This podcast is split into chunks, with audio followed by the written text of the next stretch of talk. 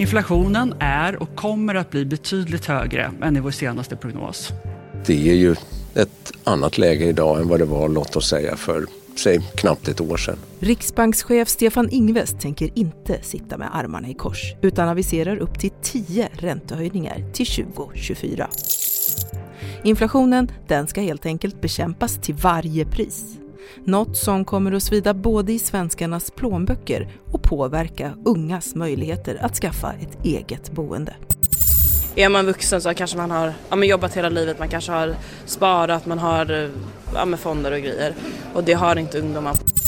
På en kvart får du veta vilka som blir vinnare och förlorare och när det är dags att klippa den ekonomiska navelsträngen. Det är tisdag den 26 april. Jag heter Erika Treijs och du lyssnar på Dagens Story från Svenska Dagbladet.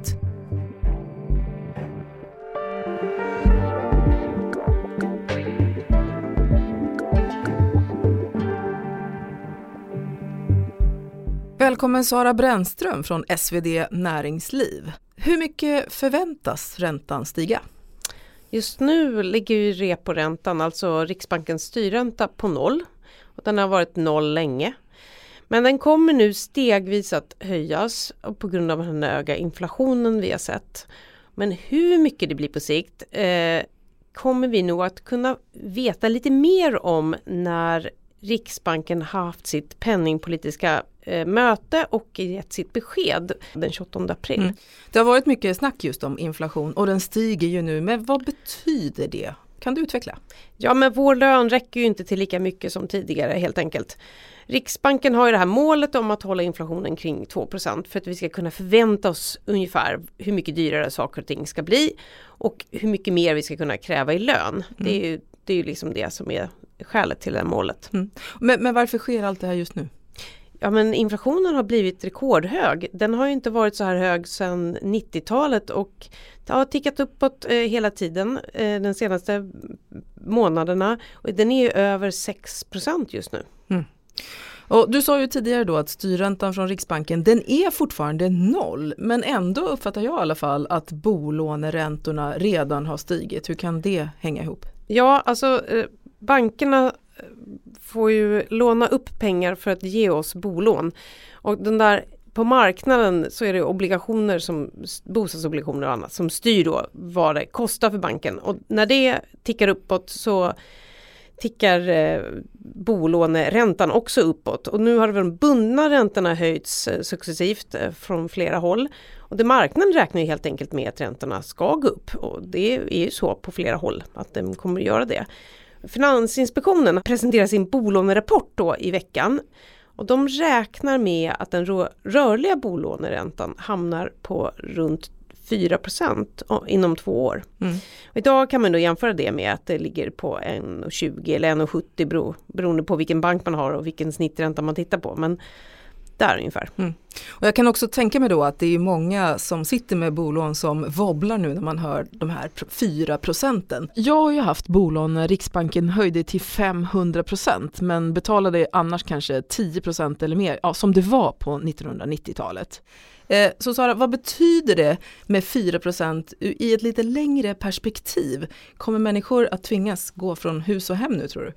Nej, liksom så dramatiskt är det ju inte riktigt. Eh, men bankerna har ju också sagt att de räknar när de har gett lån till hushåll att de ska klara en räntenivå Eh, vissa perioder har det varit 6-7% och så har det där justerats lite i vilken läge vi har befunnit oss i. Så om man tittar på hela bulken av alla bostadsägare i Sverige så är det ju kanske en liten, liten andel som är väldigt, väldigt högt belånade som kanske inte har så stora buffertar och det är klart att det alltid hela tiden är någon som eh, ligger kanske lite illa till då. Att det blir lite kärvt för de hushållen. Inflationen i Sverige är redan idag smärtsamt hög för många hushåll och företag. Vi får acceptera det. Eh, är det något särskilt som du har märkt har blivit dyrare? Ja, det är ju detta kaffe som man inte kan vara utan. Tendensen med hög inflation och höga räntor syns över stora delar av världen. It's incredibly expensive to buy a home right now. Also, those mortgage rates may deter many Americans from becoming first time homebuyers. I USA ligger inflationen på över 8 procent. den högsta sedan början av 1980-talet och det talas om fler aggressiva räntehöjningar framöver som i sin tur leder till svagare köpkraft. Flera länder väljer alltså att trycka ner inflationen på bekostnad av konsumtionen. The cost of almost everything is rising, from flour to yeast, plastic bags, and cardboard. You sometimes feel like you're treading water and you're just sort of waiting to see which, which, which wave is going to hit you next. The reasons for higher prices are getting more complicated. As we move away from COVID induced inflation to a new inflation shock, which is Russia's invasion of Ukraine. I Sverige spår flera bedömare lugnare budgivningar och fallande bostadspriser med upp till 30 procent. Men där är vi inte än. Svensk mäklarstatistik visar på en ökning de senaste tre månaderna på nästan 5 procent för en lägenhet i Stockholm. Men på bostadsmarknaden har man sett nya trender sedan pandemin i hur och var folk vill bo. Fler flyttar exempelvis ut från storstäderna, bland annat för att få mer boende för pengarna. Hur mycket lån har svenskar om du jämför? Ja men alltså vi är väl ganska hårt belånade och andelen som har stora eh, lån i förhållande till inkomsten har ju blivit större senaste året. Skuldutvecklingen tog fart under coronapandemin och Finansinspektionen har ju stenkoll på det här. De har också sett att lånen ökat snabbare än vad de disponibla inkomsterna eh, har ökat. Och det där hänger inte ihop i all oändlighet, det kan ju inte fortsätta så. Eh, och de menar ju att det här är drivet av låga räntor och stigande bostadspriser helt enkelt. Mm.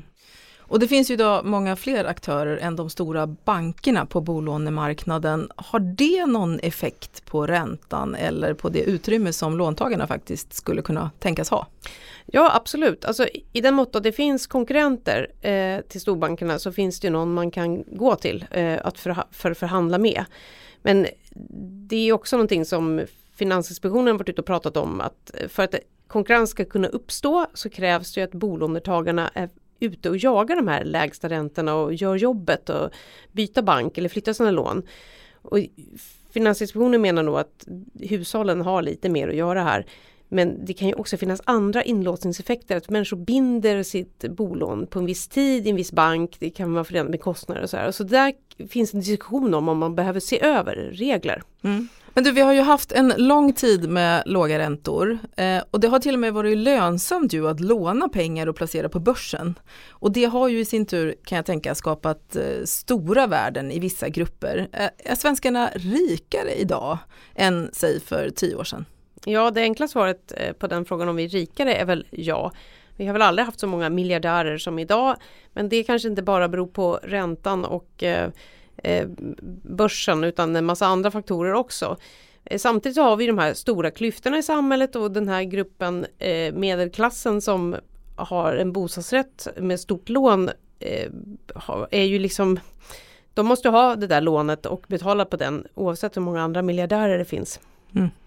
Om, men, men, men Sara, i min generation då, då är jag långt ifrån ensam att ha ägt mitt boende och värdestegringen har gjort att jag varje månad har tjänat mer på att bo än att jobba heltid. Är den tiden förbi? Ja, det kanske den är. Det är ju väldigt svårt att svara på. Eh, men det beror ju också på vad som händer framåt de här närmsta 20 åren och det vet vi inte jätte, jättemycket om.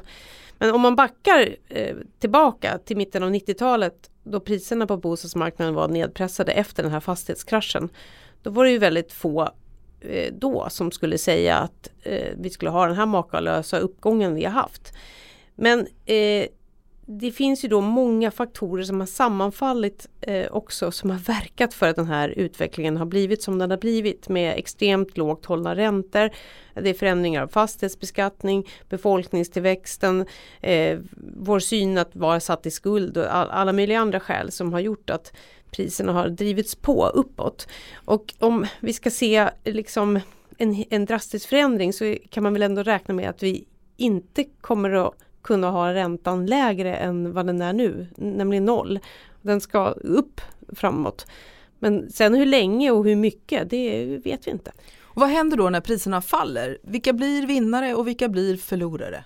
Om man börjar med förstagångsköparna som ska spara ihop till en insats så kan man väl se att den här insatsen behöver kanske inte vara lika stor som den annars hade behövt vara om man ska köpa sin första lägenhet. Eh, de som blir förlorare eh, är väl kanske de som har tänkt att sälja på toppen och flytta in en hyresrätt. För någonstans så är det så här att så länge du köper någonting större så är ju gapet till det som du ska köpa väldigt stort om priserna bara stiger. Faller de så blir det där gapet lite mindre och det kan ju då bli lite skönare för du behöver inte låna lika mycket pengar. Samtidigt så är ju det här prisfallet då eh, beroende av att vi har en högre ränta och den här räntan eh, kommer vi ändå behöva betala allihop. Så att det är ju hunger och karuseller kan man säga. Mm. Tänk att man aldrig kommer ut som vinnare då. Ciao mamma. Federico has never left his teenage bedroom, as this 30 year old young man from Sicily is still living with his parents. Federico's situation is not unusual in Italy, where more than 8 million young people in their 30s still live with their parents. Ja, riktigt så illa som det är för Federico så kanske det inte är för svenska ungdomar. Ja, nu var ju han lite äldre då förvisso, men, men vad kan man göra för att få in sina barn på bostadsmarknaden? Ja, men Hur ska ju, man tänka då? Ja, men det här har, det har ju blivit en, en, det är inte nytt nu, men det är säkert eh, för 15 år sedan som människor började belåna sina egna avbetalda eh, fastigheter eller lägenheter man tog lite lån för att barnen skulle kunna få ett startkapital. Och då blir det liksom som att eh, de här pengarna som vi har, tycker vi har vunnit eller vi har tjänat, eh, som du uttryckte det, de har vi inte tjänat utan de går bara runt i nästa generation. Alltså, eh, huset som föräldrarna inte längre vill ha säljs och sen köps det lägenheter så att barnen ska ha någonstans att bo och man belånar saker som är obelånat och sen är det där bara liksom som en eh, boll som man skjuter framför sig. Mm. Och då tänker du att, att man liksom blir aldrig fri som ung utan man blir liksom skyldig sina föräldrar då istället för banken? Ja, man sitter ihop med dem hela tiden. Mm. Ja. Mm. Det låter som att det finns mycket att göra där. ja, och vi talar ju främst då om räntor för de som har köpt sin bostad med lånade pengar. Men påverkar det här du nu beskriver för oss eh, också hyror i hyresrätter? Ja men absolut, det finns ett samband. Eh, kommersiella fastighetsägare och även de som äger då hyresrätter eh, har ju lån. Och eh, det är klart att de lånen ska betalas av den eh, personen som äger fastigheten. Eller det företaget. Och det är klart att då kan det betyda att man behöver eh, höja hyresnivåerna. Mm. Men bostadskostnaderna de kommer att stiga för många låntagare och det smärtar förstås ekonomiskt. Men, men har du några tips då på vad man ska göra om det trots allt blir skralt i plånboken? Ja, det beror ju väldigt på vem man är och hur man bor och eh, det här enklaste för de som bor i villa det är väl att man har koll på sina elavtal och sina försäkringar och på sitt bolån och uppvärmningskostnader och om man ska göra investeringar och i så fall hur man ska göra dem. Eh, I mitt område just nu så är det många villägare när de bygger om sitt tak så passar de på att sätta upp solel där. Eh, men om det är ekonomiskt försvarbart, det har jag inte räknat på, men det är väl det man måste göra helt enkelt. Mm. Det är kanske är dags att bli sparad nu istället för att vara slösa. Ja. Tack Sara Brännström för att du kom till Dagens Story. Tack. Vi som gjorde programmet idag var redaktör Teresa Stenler från Matern. Producent var Elin Rembliotto och jag heter Erika Treis. Ljudklippen kommer från Dagens Industri, Riksbanken, CNN, CBS News och Aftonbladet.